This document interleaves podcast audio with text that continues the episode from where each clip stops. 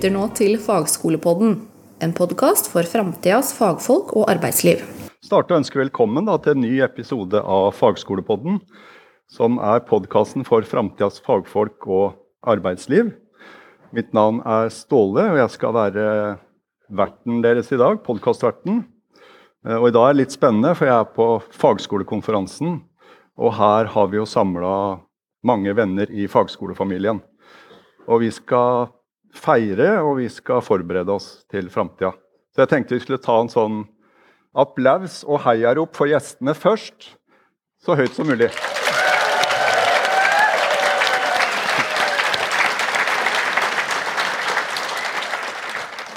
Yes, og Det får være en slags sånn feiring fra den store veksten som, som, sektoren har hatt. Og så går vi nå over i det å forberede oss til å ta imot flere studenter og den voldsomme veksten som kommer. Og da skal jeg få være med på en spennende dialog i dag om kunstig intelligens. Og vi husker alle sikkert første gang hvordan, hva vi tenkte og følte når vi kobla oss opp i den teknologien for faktisk ett år sia. Så har vi med oss spennende gjester i dag. Vi har med oss Silvia Ceres. Hun er jo en anerkjent ekspert uh, innenfor teknologi. Har vært veldig interessert i digital uh, transformasjon. Og så er hun en veldig aktiv bidragsyter i samfunnsdebatten. Og så er det gledelig for oss da, eh, som fagskolefamilie at hun er jo med i heiagjengen på livslang læring. Så velkommen til deg. Takk. Så har vi med oss to av våre egne. Vi har med oss Eivind Solberg. Han er fra fagskolen Kristiania. Han skal dele litt tanker og de erfaringene han har gjort seg, hva det betyr for, for sektoren vår. Og så har vi med oss Sigurd Lervåg, som har vært en student av meg. Uh, allerede i fjor, i desember, så la han ut en lang refleksjon av hva den teknologien her kom til å bety. Uh, så har han sikkert fått litt mer nyanser siden det, da.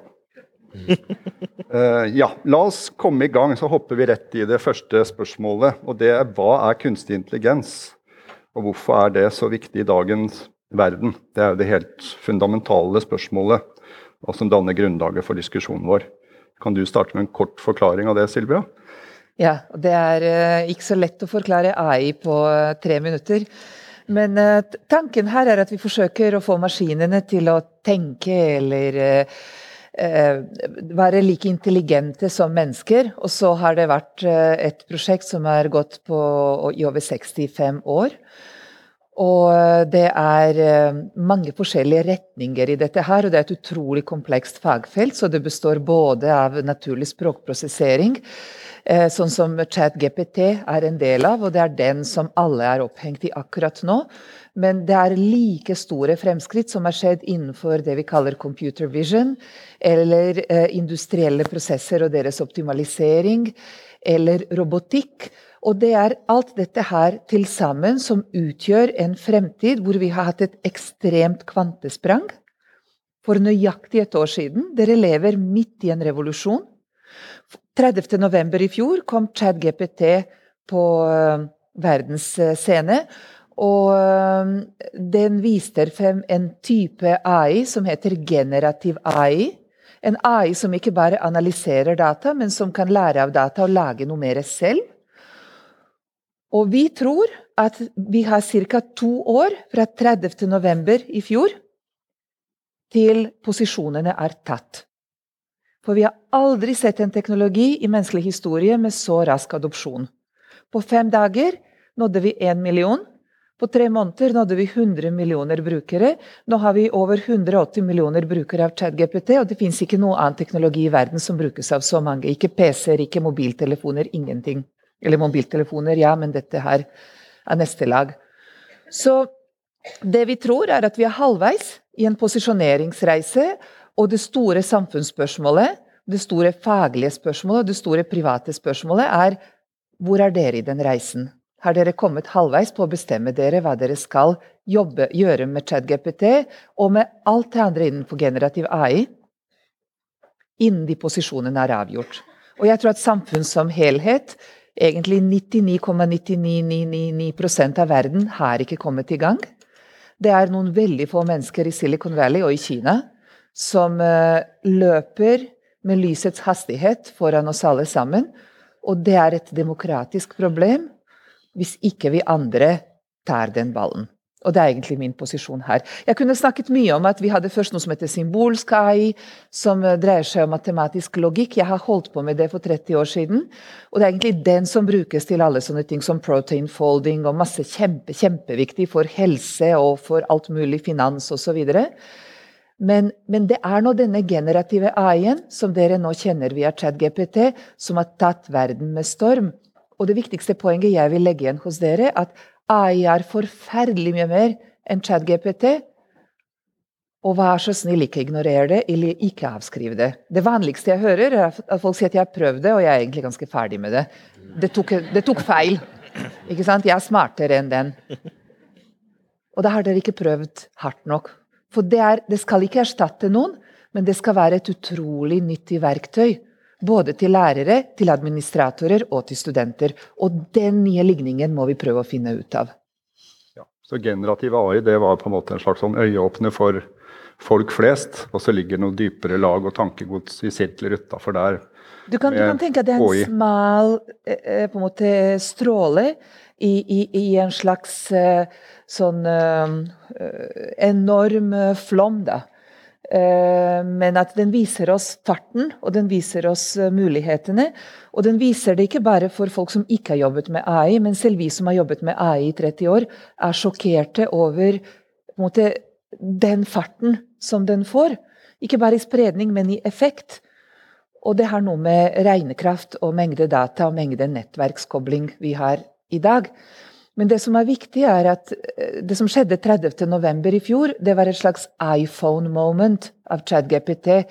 Hvis dere husker når eh, Steve Jobs kom med iPhone, da skjønte vi at mobiltelefoner er likevel en greie. Selv vi som har ikke villet ha dem. ikke sant?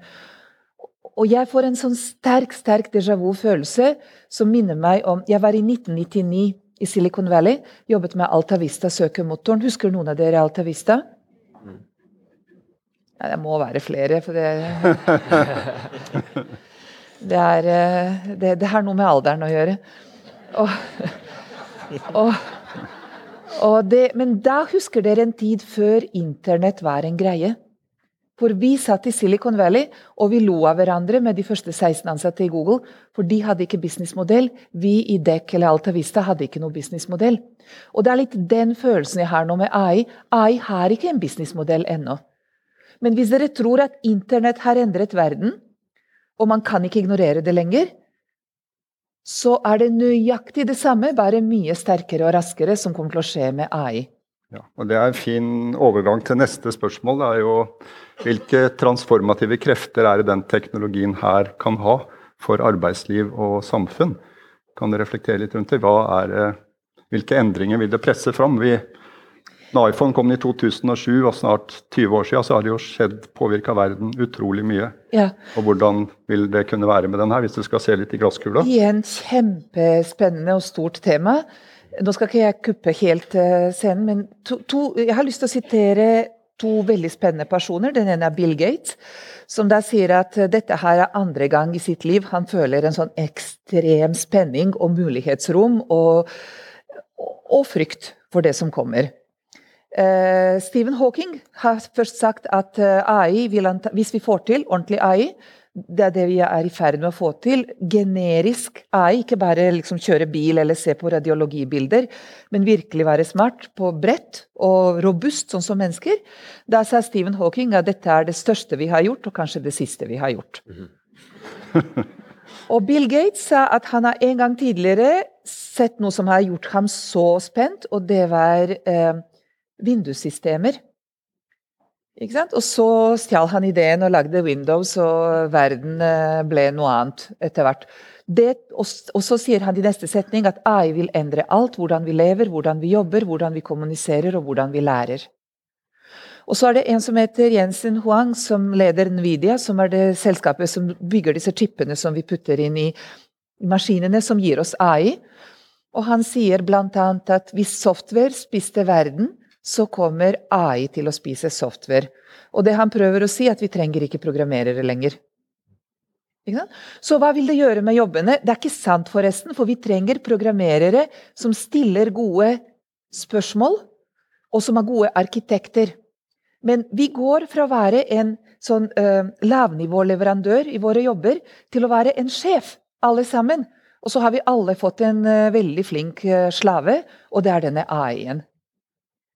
Og det er menneskenes jobb å være den som da forstår problemet, bestemmer arkitekturen på løsningen og tar ansvar for den løsningen. Og det viktigste er at jobbene kommer til å få nytt og mer spennende innhold, bare hvis vi gidder å være med på dette her. Og så er det sånn at det kommer nye jobber som er litt mer datainteresse i seg. Men kjernetematikken, domeneforståelsen, ekspertisen, det kan ikke AI erstatte. Og AI kan i hvert fall ikke erstatte ansvaret vi mennesker må ta for det vi leverer fra oss i jobbene våre. Så for lærere så vil det være fortsatt ansvar for å dra studentene, elevene, med i nye kunnskapsområder. Og om de leverer noe som ChatGPT har skrevet, så blir lærerens jobb kanskje mer sokratisk. For jobben er ikke lenger å lese, men å diskutere. Kanskje må det mer person, person, personalisering til. Kanskje er det mer spennende for lærere å jobbe når de virkelig kan se ok, men denne må dyttes mot det grønne, og denne må dyttes mot det blå. Men det blir også en helt ny måte å være lærer på. Og det blir en helt ny måte å bygge ut videre sine utdanningsinstitusjoner på. Der kan vi diskutere fagskolemulighetene masse. Jeg skal si én setning til. Mhm. Og jeg tror at det er dere som er fremtiden for livslang læring. Men noen må ta den ballen, og noen må begynne å levere på det i skala. Da er lov med applaus igjen, da.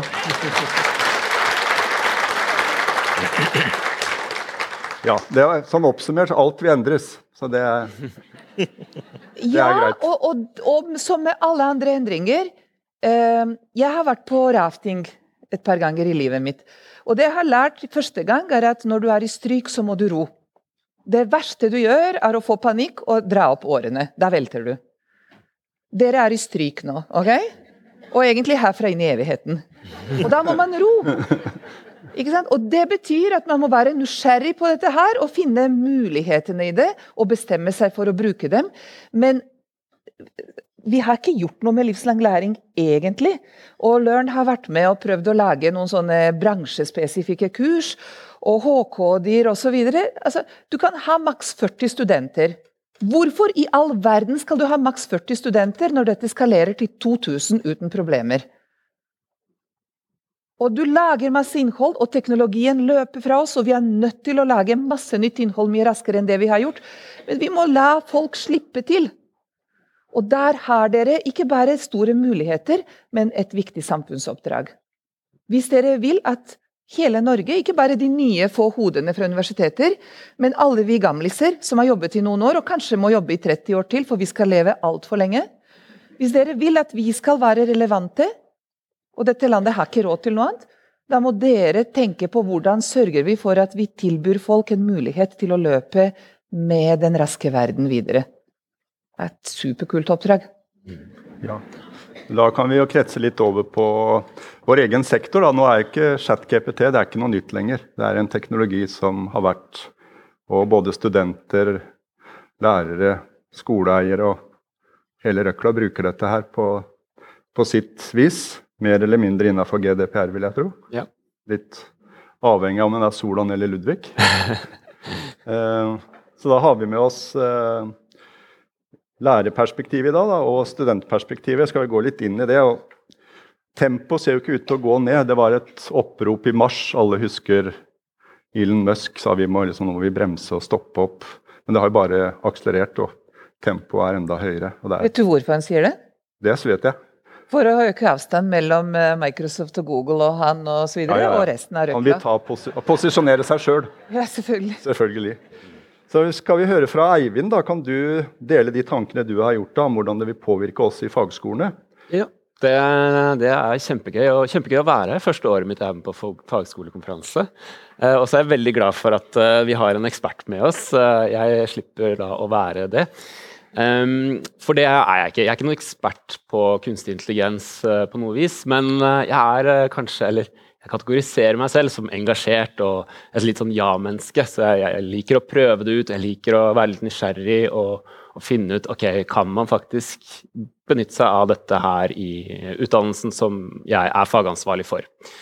Jeg tenkte jeg skulle si kort om det, for jeg er da fagansvarlig for interaksjonsdesign. Og det er et veldig bredt spekter her i dag, sånn at mye av det jeg kommer til å snakke om eh, eh både nå, men også kanskje litt senere, er ikke nødvendigvis én-til-én for alle. Eh, men jeg tar jo da utgangspunkt i mitt eget ståsted der. Så for de av dere som hører interaksjonsdesign, tenker hva, hmm, hva kan det være for noe? Det er da gode brukeropplevelser. Så når man da er inne på nettsider eller apper apper og så irriterer seg over at noe ikke funker, eller at man på en eller annen merkelig grunn greide å, ta feil hotell uh, her i dag. Måtte gå Det var jo bare ni minutter, da, men uh, uh, da kunne man tenkt seg bare åh, um, her skulle det vært en interaksjonsdesigner og gjort det tydeligere at man må skulle gå akkurat hit. Um, så klassen min er toårig. de jobber da som sagt med brukeropplevelser. Um, og veldig tett opp mot teknologi. Uh, og de prosjektene de har, det er uh, veldig sånn at de får et produkt når de er ferdig med et tema, sånn at de kan bygge en portefølje. Uh, og denne porteføljen bruker de da for å gå og søke praksisplasser. Um, og senere forhåpentligvis jobb da i bransjen. Og det er, vi er, selv om interaksjonsdesign kan være veldig bredt, så er vi rettet mot det digitale. Og, og, der har jo vi en fordel når vi skal ta i bruk eh, eh, teknologi. For vi ser stadig vekk at bransjen etterspør at det er veldig stor forandring på teknologifronten. Det programmet vi bruker mest når vi skal prototype, altså tegne nettsider og brukerteste de, det er et uh, verktøy som heter Figma. Og for fem år tilbake så var det veldig få som hadde hørt om det. Så det skjer endringer raskt, og det skjer nesten litt sånn over natta. Sånn at man må um, starte og bare teste ut ok, hva fungerer dette, eller er, går bransjen den retningen? Skjer det Altså, Adobe kjøpte opp Figma for ikke så lang tid siden. Da var det sånn spørsmål skal alle gå bort ifra det, eller skal vi gjøre noe helt annet? Uh, men det viser seg det at det, det blir beholdt. Og, og, nå ser vi det at um, kunstig intelligens blir tatt i bruk av bransjen. Uh, Try eh, har nå et eget AI-team. Eh, vi ser at uh, det var et frokostseminar her nå sist torsdag med Northern Beat, som hadde da presentasjon på hvordan de tok i bruk kunstig intelligens i sine prosjekter. Alt fra innsiktsfasen med å bli kjent med en målgruppe og lage intervjuguider, til det å generere konsepter med inspirasjon fra bilder eller det å lage en tegneserie over at noe, et produkt blir brukt. Um, sånn at det er utrolig uh, mye som har skjedd på veldig kort tid. Og, og det kommer nok til å bare fortsette å, å gå raskere og raskere. Så, og Da er det jo viktig for mine studenter at de òg eh, benytter seg av de samme verktøyene. For det er noe vi ser når de går ut i praksis, eller når de eh, snakker med personer som eventuelt skal ansette. Hva er det som er viktig for de? Og da er det gjerne at eh, de har den kompetansen, eh, den faglige kompetansen som trengs, men også at de gjerne kan komme i gang raskt med de verktøyene som allerede blir brukt. Eh, og så ser vi da at det er jo både fordeler og ulemper. Jeg er ikke en sånn ihuga AI løser alle problemene våre. Nå er vi ferdig, trenger ikke læreren nesten engang. Der er jeg ikke i det hele tatt. Det er fordeler og ulemper her. Uh, og jeg tenker nok eh, Sigurd skal si litt mer om kanskje noen ulemper. Så jeg skal ikke si så mye om det. Men fordelene her er jo at nå har studentene våre fått en lærer som er tilgjengelig 24-7. Uh, de kan stille spørsmål når som helst. Hvis de ikke forstår noe, så kan de fortsette å stille disse spørsmålene til f.eks. ChatGPT. Så er det jo litt vår oppgave, da. En ulempe med dette er jo at de må jo ha forståelsen på å se hva er det som er et godt svar, og hva er det som er et mindre godt svar. For det er ikke alltid kunstig intelligens har rett, som dere var inne på. Um, innimellom så får man svar som ikke gir så veldig mye mening. Uh, en liten spoiler, Vi skal ha en liten uh, parallellsesjon etterpå, hvor vi skal snakke enda mer om uh, hvordan vi kan bruke kunstig intelligens. Jeg håper mange kommer på den. Um, så, så, det er både fordeler og ulemper. og så har det jo vært en del skriveri i, rundt dette med juks. At man kan bruke det til å jukse. for studentene mine så blir det vanskelig å på en måte jukse seg til eh, bruken av det. at juks i denne sammenheng blir jo da en snarvei. At de studentene viser at de har kompetanse som de egentlig ikke har, eller har en forståelse de ikke har. Og i og med at vi har produkter ved siden av, eh, gjerne en rapport eller en prosess, så ser man at eh, når de forsøker seg på juks, så blir det mer at de svarer ikke på oppgaven. Ikke, de er ikke gode nok til å bruke den kunstige intelligensen til å forme det til eh, det de skal løse. Så det er et kjempenyttig verktøy for studenter som har dysleksi, bl.a. Så, så ja, er, jeg i klassen så ønsker vi å bruke det eh, der det er, gir verdi, da. Takk skal du ha, Sigurd. Eivind. Eller Eivind. Med I. Med I. Ja. Da skal vi høre studentperspektivet. Sigurd, hvordan, eh, kan ikke du fortelle om din erfaring med dette her nå? Litt sånn pluss og minus jo. helt fra starten, første gang ja. du testa det? Jeg blei jo først introdusert til eh, den type kunstig intelligens som ChatGPT via egentlig sosiale medier som, eh, som TikTok. Så videoer der av folk som viste det her fantastiske nettsida og hva alt den kunne gjøre. Og da tenkte jeg vel egentlig i starten at så langt kunne det ikke ha kommet. Det kunne jo ikke stemme at allmennhetene hadde begynt med det her. Men det tok ikke lange tida før eh, Ståle presenterte det i en time. Eh, og viste litt eh, til oss studentene hvordan det her kunne brukes. Og da da klarte jeg at da måtte jeg bare hjem og prøve det sjøl. Og jeg prøvde jo lange tider til alt fra å si ingrediensene jeg har i kjøleskapet og spørre hva jeg kan lage med det, til å stille mer avanserte teoretiske spørsmål. Og uansett hva jeg kasta mot den, så klarte den jo ganske bra. Eh, så det gjorde jo at jeg egentlig satt igjen med en følelse av både begeistring, men også bekymring. Og som jeg skrev i et refleksjonsnotat til eh, Ståle, at eh, det her er det kraftigste verktøyet jeg noen gang har prøvd. Og jeg tror det er ingen som ennå forstår hvilke uante konsekvenser det kommer til å ha for, for oss som samfunn. Men nå har det jo gått, gått, et år, og jeg har jo brukt det ganske jevnlig, både privat og til studiet. Eh, jeg bruker det hovedsakelig f.eks. til å raskere finne og tilegne meg informasjon enn om jeg skal bruke tid på å finne den riktige boka, finne det riktige kapitlet, skumlese til det jeg egentlig lurte på. Så kan jeg heller ha den informasjonen tilgjengelig og tappe rett inn på den. Jeg bruker den også til å forsikre meg om at jeg har lært stoffet eh, riktig og forstått det riktig ved å stille spørsmål fra flere forskjellige vinkler og omformulere det, så jeg vet at eh, jeg får en bekreftelse på at jeg har uh, forstått det. Og så er den veldig kjekk til å si den, den dømmer ikke, så du kan stille de her såkalte dumme spørsmålene som ikke alltid er like stas å stille til Ståle. For da skjønner han f.eks. at jeg sitter og sett ut av vinduet. Um, men det er ikke bare positive ting um, med en så utrolig kraftig teknologi. Um, vi har jo det som Ståle kaller for den, den slu reven.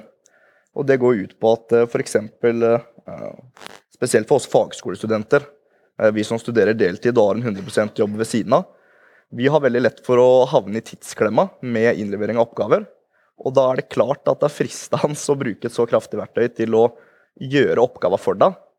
Men det kan jo resultere i ytterste konsekvens at du kan faktisk klare utdanninga, og du kan få deg en jobb. Men så sitter du der da, og har ikke den kunnskapen du på en måte skulle hatt. Og da kan du fort sitte i en litt uh, kjip posisjon. Um, så jeg tenker at det viktigste det er å ha fokus på å lære god moral og etikk rundt bruken av sånt verktøy. Uh, juks har alltid vært mulig, men nå er det enklere enn noensinne.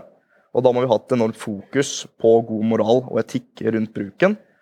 Og så handler det også om, som nevnt, uh, at de som har hatt interessen og lært seg ChatGPT f.eks., de har et enormt forsprang på alle andre som ikke har giddet å sette seg inn i det. De står igjen på perrongen.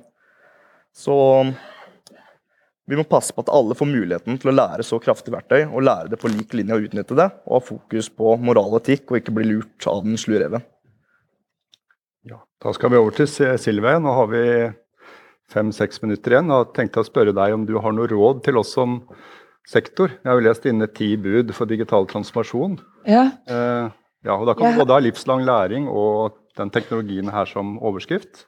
Ja, Hvis jeg kan eh, gå tilbake til de ti budene, så har jeg egentlig gått tilbake til norsk politikk fra 70-tallet og sett på ti oljebud. Og det er et stykke politikk som jeg ikke har sett noe annet sted i verden. Og måten dere har forvaltet den felles rikdommen, en eh, slags hjemfallsrettighet, som da har skapt både nye industrier og økosystemer og løftet oss på eh, det rikeste landet i verden, et av de tre i hvert fall, på, på per capita, det burde man anvende på dataforvaltning. Jeg har ennå ikke sett England har kommet med AI-strategier. Eh, det fins andre land, bl.a. Singapore, Canada. Det er en del land som tenker veldig spennende. Kina går full fart frem. Eh, Silicon Valley også. Veldig forskjell på USA og Kina. USA crazy markedsliberalisme. Kina crazy eh, på en måte totalitarisme. ikke sant?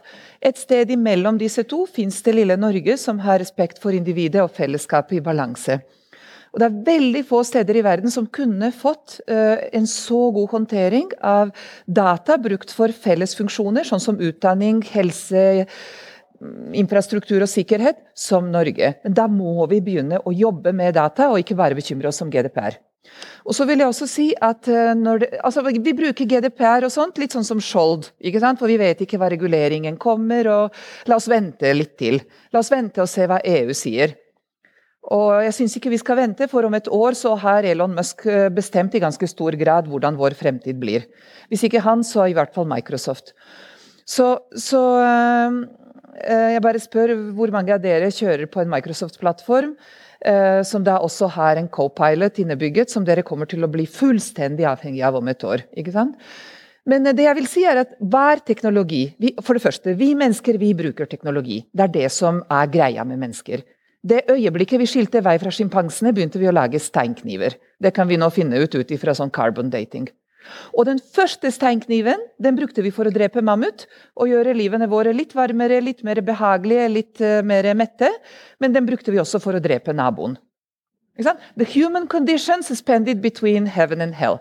Så hver teknologi er både snill og slem.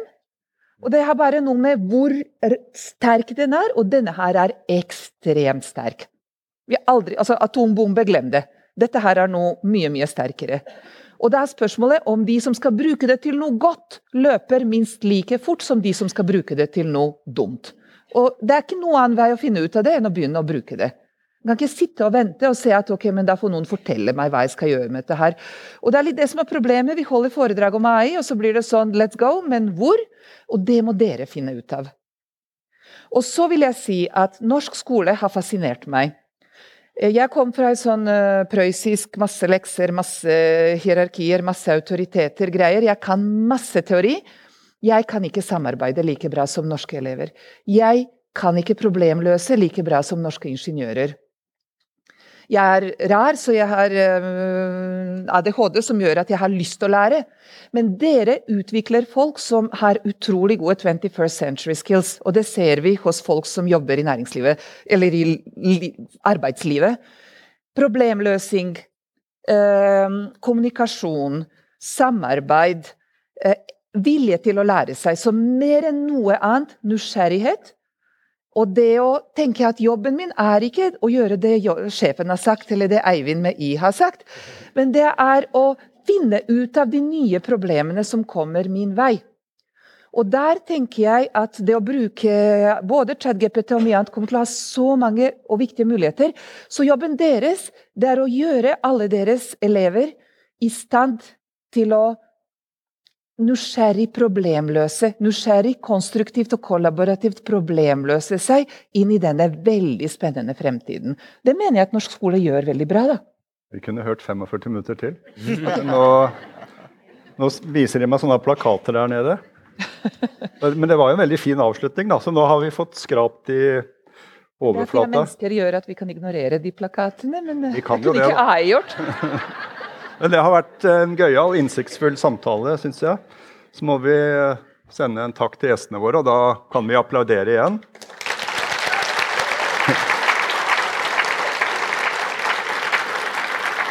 Og så får den applausen det da får bli eh, avslutninga av åpningspodkasten. Og så ønsker vi alle en flott konferanse, og så tar vi med oss hilsningen eh, fra Sylvia. Og ja, vi skal ta opp hansken og forberede oss på dette her sammen på en god måte. Du har nå hørt Fagskolepodden, produsert av Fagskolen Vestfold og Telemark.